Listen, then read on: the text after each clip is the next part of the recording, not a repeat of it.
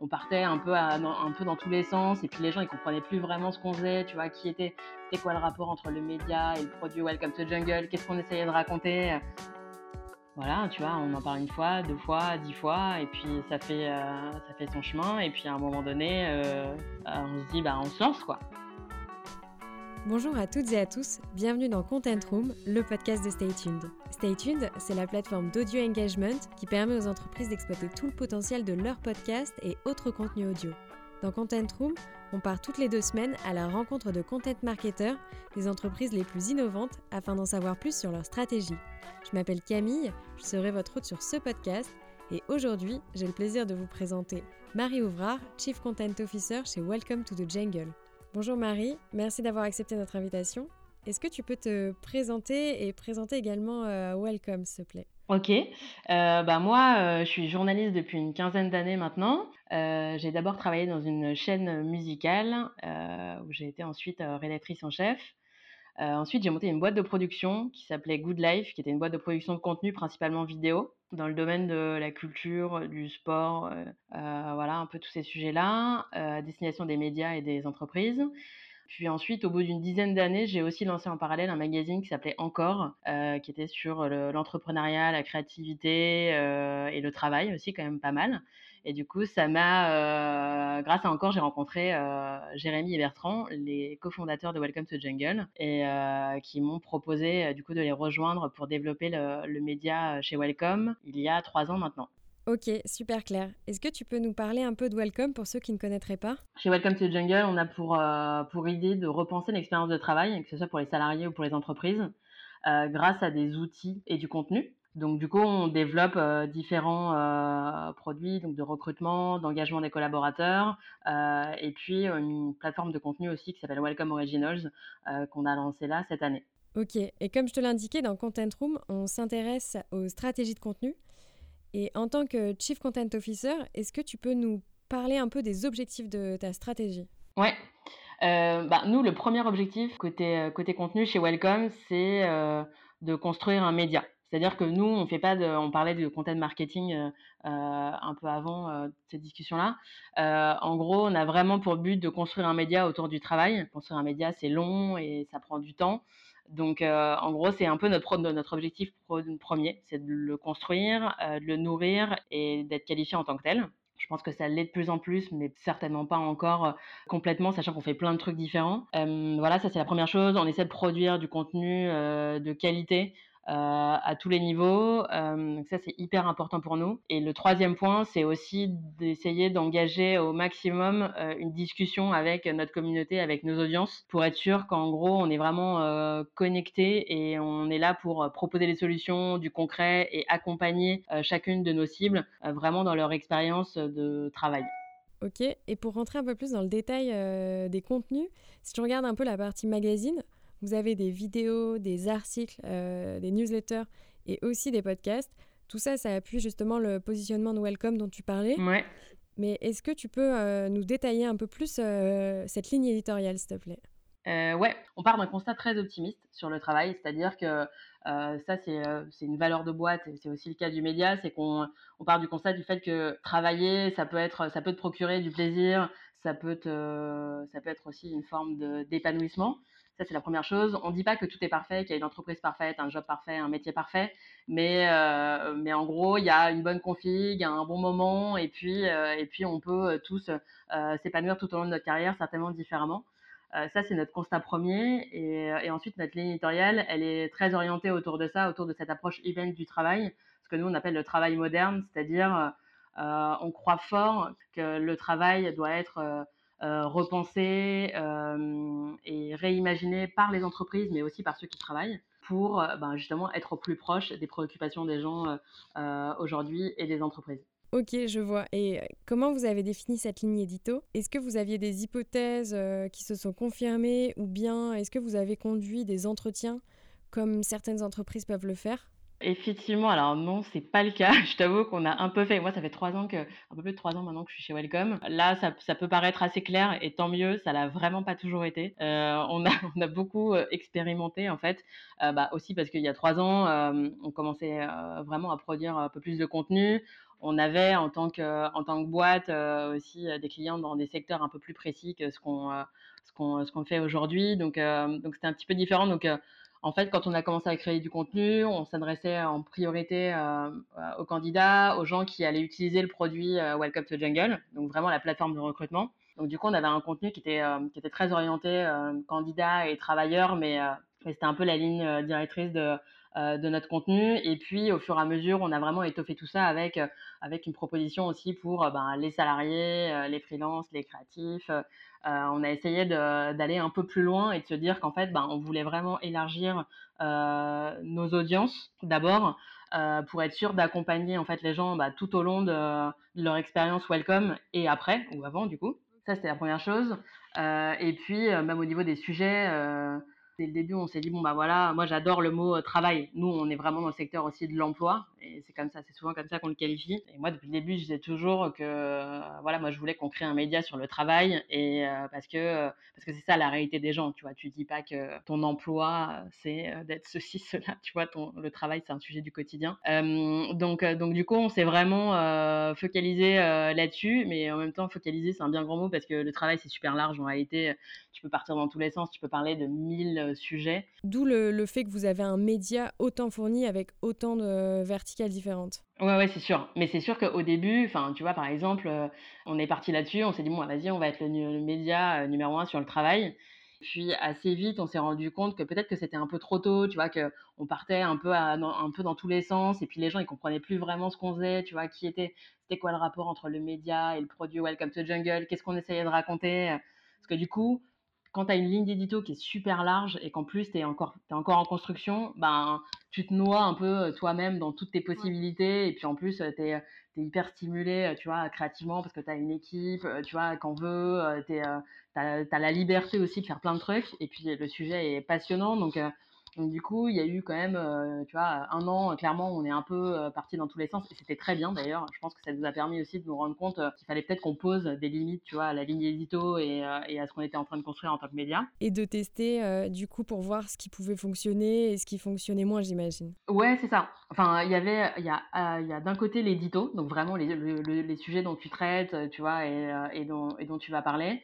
Euh, les, secteurs, les métiers dont tu vas parler, etc. Et puis d'un côté, tu as après effectivement les formats, euh, donc, euh, enfin, et ta façon de faire, et ta stratégie évidemment, c'est-à-dire de quelle manière est-ce que tu vas faire plus du compte print, vidéo, digital, est-ce que tu vas le partager dans une newsletter sur les réseaux sociaux? Donc là, c'est pareil, on a testé genre mille trucs, et puis au fur et à mesure, on, on construit, euh, on construit ça euh, ensemble, quoi. Et puis on est encore en train de le construire. Et puis certainement, tu vois, je te dis ça maintenant, et peut-être que dans deux ans, ça aura changé. Mais, euh, mais en tout cas, ça, on a pas mal testé, expérimenté. Ouais. Et pour revenir un peu plus à la ligne édito, est-ce que tu as des conseils à donner à des gens qui seraient en train de la créer ou bien de la faire évoluer? Le premier, ça serait à vouloir parler à tout le monde, tu parles à personne. Voilà, tu vas, tu vas dire euh, tu vas faire un magazine sur le sport ou tu vois un contenu sur le sport, bah évidemment, tu vois, tout le monde s'intéresse au sport, tout le monde, pas tout le monde, tout le monde, mais en tout cas beaucoup de gens, tu vois, euh, à des niveaux genre totalement différents. Et c'est vrai que ben, euh, alors c'est aussi une question d'audience, mais mais c'est vrai que si tu essaies de contenter tout le monde, du coup, parfois on ne sait pas encore vraiment, on sait plus quitter quoi. Qu'est-ce que tu qu'est-ce que tu racontes? Tu essaies un peu de, de taper à toutes les portes et du coup c'est difficile de viser juste à tous les coups quand tu essaies de de nourrir tout un tas d'audiences euh, différentes euh, et, un sujet aussi large. Donc après, il y a la question des audiences et puis il y a la question aussi de, l'ADN, tu vois, une fois que tu as ton sujet, c'est comment tu le racontes, qu'est-ce qui fait ta différence, qu'est-ce qui fait ta spécificité dans le traitement d'abord et dans le choix des sujets. Qu'est-ce qui fait que tu vas aller sur un sujet plus humain, plus économique, plus sociétal, euh, ça ne veut pas dire que tu dois faire des choix, hein, mais, euh, mais parfois, c'est ce qui fait aussi euh, ta différence vis-à-vis des autres médias qui vont produire du contenu dans, dans ce domaine-là.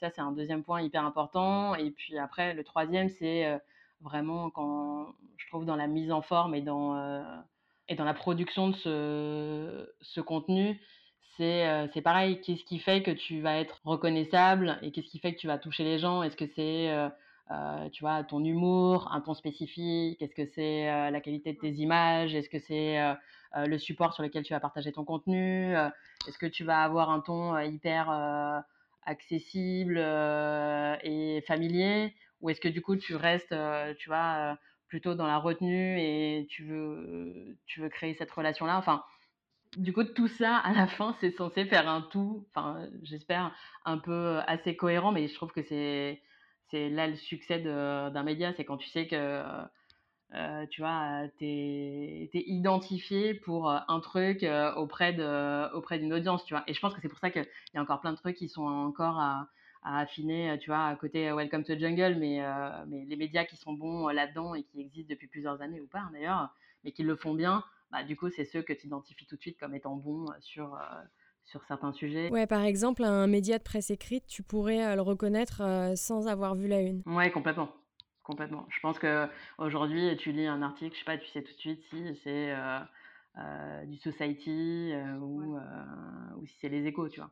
ok, je vois. Et là, on passe à une partie de l'épisode où on s'intéresse à un contenu différenciant. J'aimerais beaucoup parler avec toi de Welcome Originals. Vous l'avez lancé il y a quelques semaines maintenant, c'est assez incroyable, on dirait un peu une grosse prod à la Netflix. Est-ce que tu peux nous expliquer un peu ce qu'est Welcome Originals, s'il te plaît? Ouais, bien sûr. Euh, Welcome Original, c'est euh, aujourd'hui une application et bientôt une, plateforme de contenu, euh, donc audio et vidéo aujourd'hui pour développer son potentiel, notamment au travail. C'est du développement professionnel. Donc tu as des contenus inspirationnels et inspirants, tu as des contenus plus formateurs, mais en gros le but c'est de passer un bon moment euh, à écouter euh, des gens euh, experts ou pas d'ailleurs, mais qui vont partager, tu vois, leurs connaissances et leur expérience dans différents domaines. Ça peut être le management, la confiance en soi, la communication, pas, le branding, la créativité.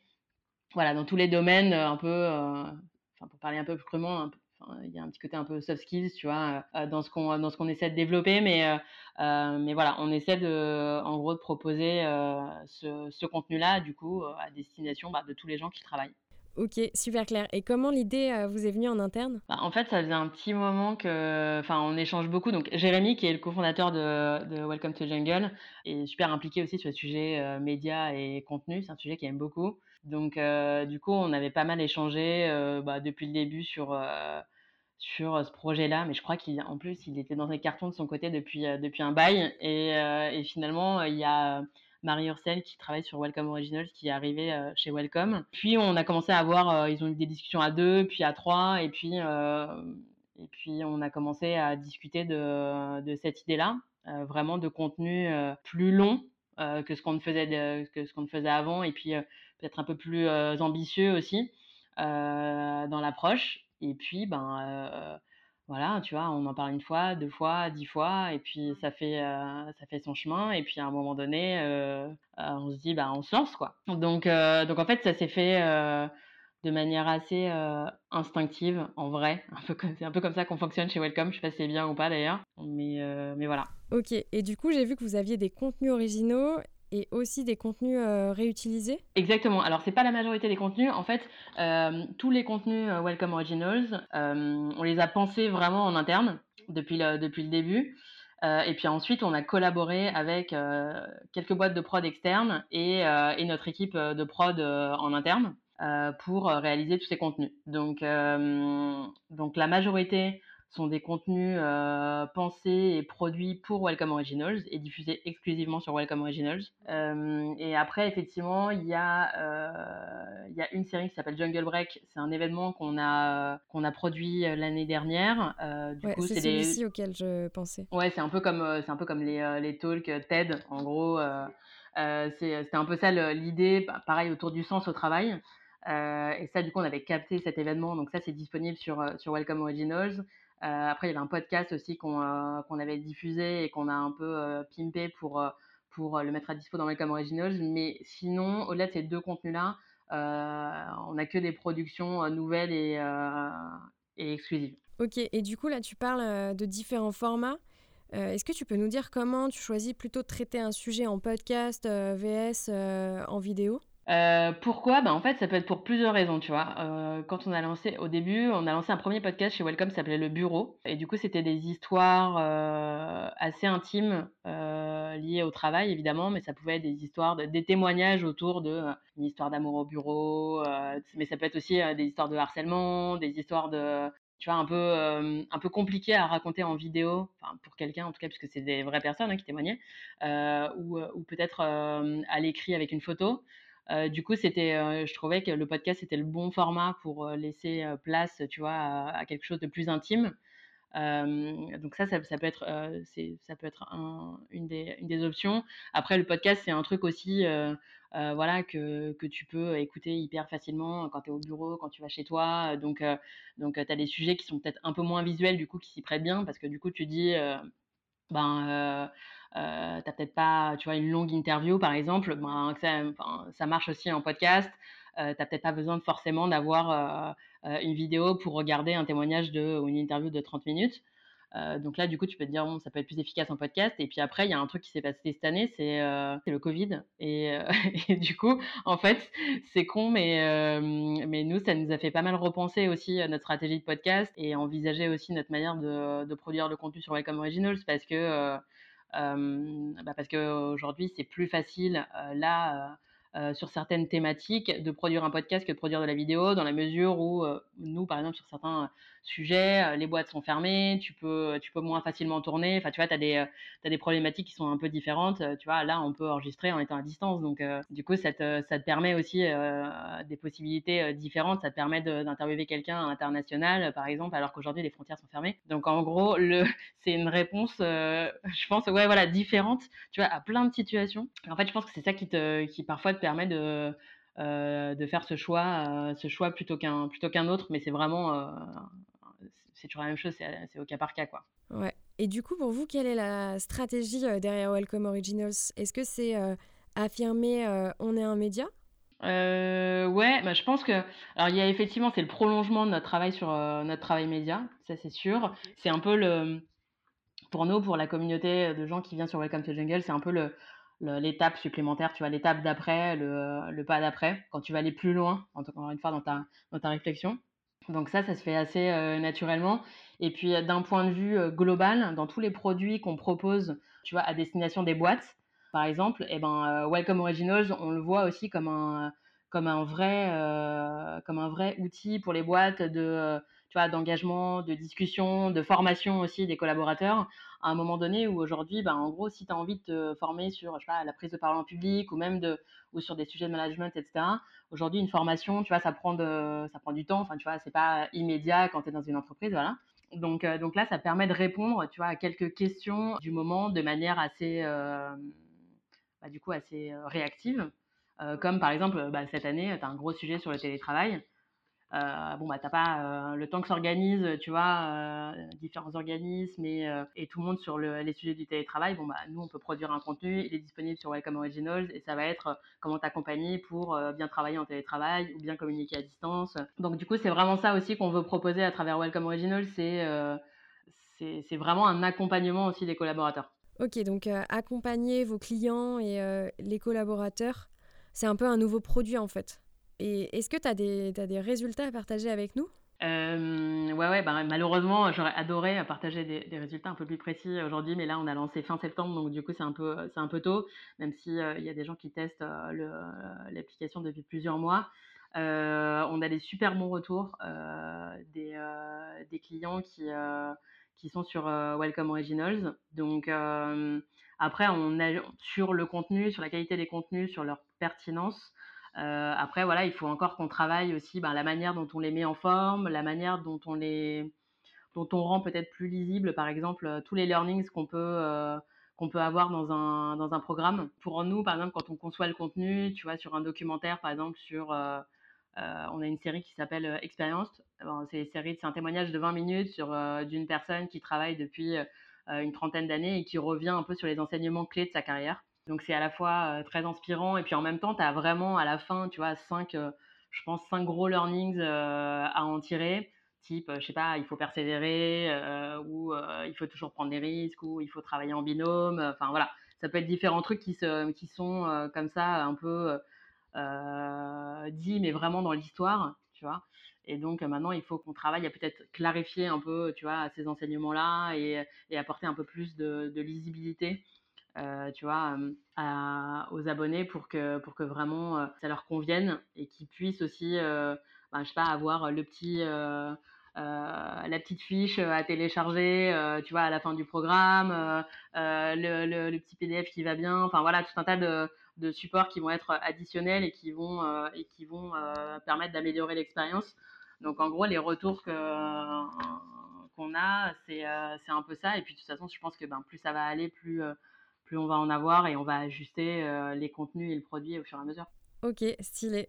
Du coup, on va passer à la dernière partie de l'épisode qui est un peu une prise de hauteur euh, sur toi et sur Welcome. Donc euh, la première question, c'est euh, où est-ce que tu vois Welcome dans les prochaines années? Et ce que tu as envie de mettre en place pour y arriver? C'est toujours la même chose, c'est vraiment consolider le média, essayer d'aller plus loin encore dans notre proposition, tu vois, éditoriale et créative.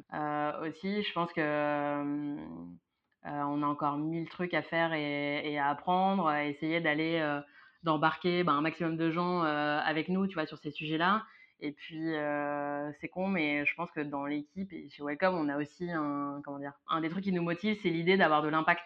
C'est l'idée d'essayer de faire changer euh, des consciences, tu vois, sur le travail, d'essayer de, tu vois, de soulever des questions de, je sais pas moi, de, de diversité, d'inclusion, de, ou même juste de, tu vois, de, soulever des questions sur les rapports humains ou sur notre rapport au travail. Euh, à la fois chez les, les, gens qui nous suivent et en même temps dans les entreprises.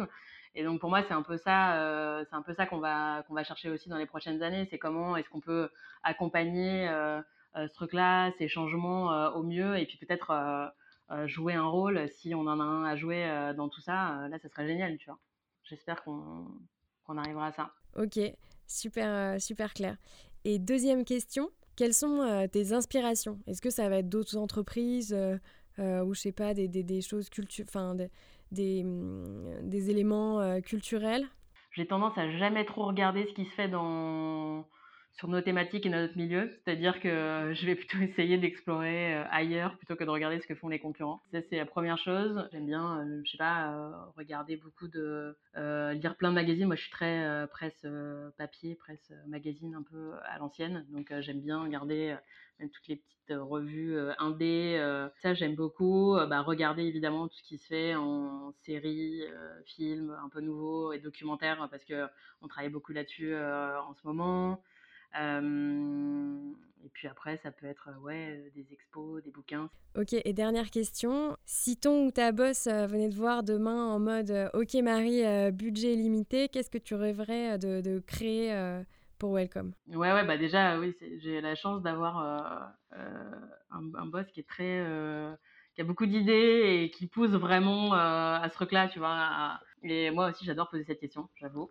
Ah, c'est marrant. Euh, du coup, ouais, ça te permet de, de, comprendre un peu la manière dont la personne euh, euh, réfléchit et puis du coup, parfois d'avoir des idées auxquelles tu n'aurais évidemment jamais pensé. Du coup, moi, je pense pas que ce soit trop une question de, budget, je pense que c'est plutôt une question de temps. Je pense que là, ouais, dans si on avait vraiment du temps et que et d'ailleurs on l'a hein, mais je veux dire après tu es toujours impatient tu vois ben, on, je, sais pas, je pense qu'on ferait plus d'international, on essaierait de peut-être créer des collaborations, tu vois, avec euh, personnalités, d'autres euh, médias, euh, tu vois, des trucs peut-être un peu différents, d'autres réalisateurs. Enfin, on essaierait de, je pense, de, enfin, en tout cas moi, ça m'intéresserait d'explorer des, des formes de narration différentes, des, des formes de développement aussi euh, produits différentes, tu vois, sur le contenu, sur le site. Euh, on pourrait euh, présenter notre contenu de manière peut-être plus pertinente avec des projets hybrides, tu vois, qu'on pourrait complètement concevoir depuis le début. Enfin bref, je pars un peu dans tous les sens, mais, mais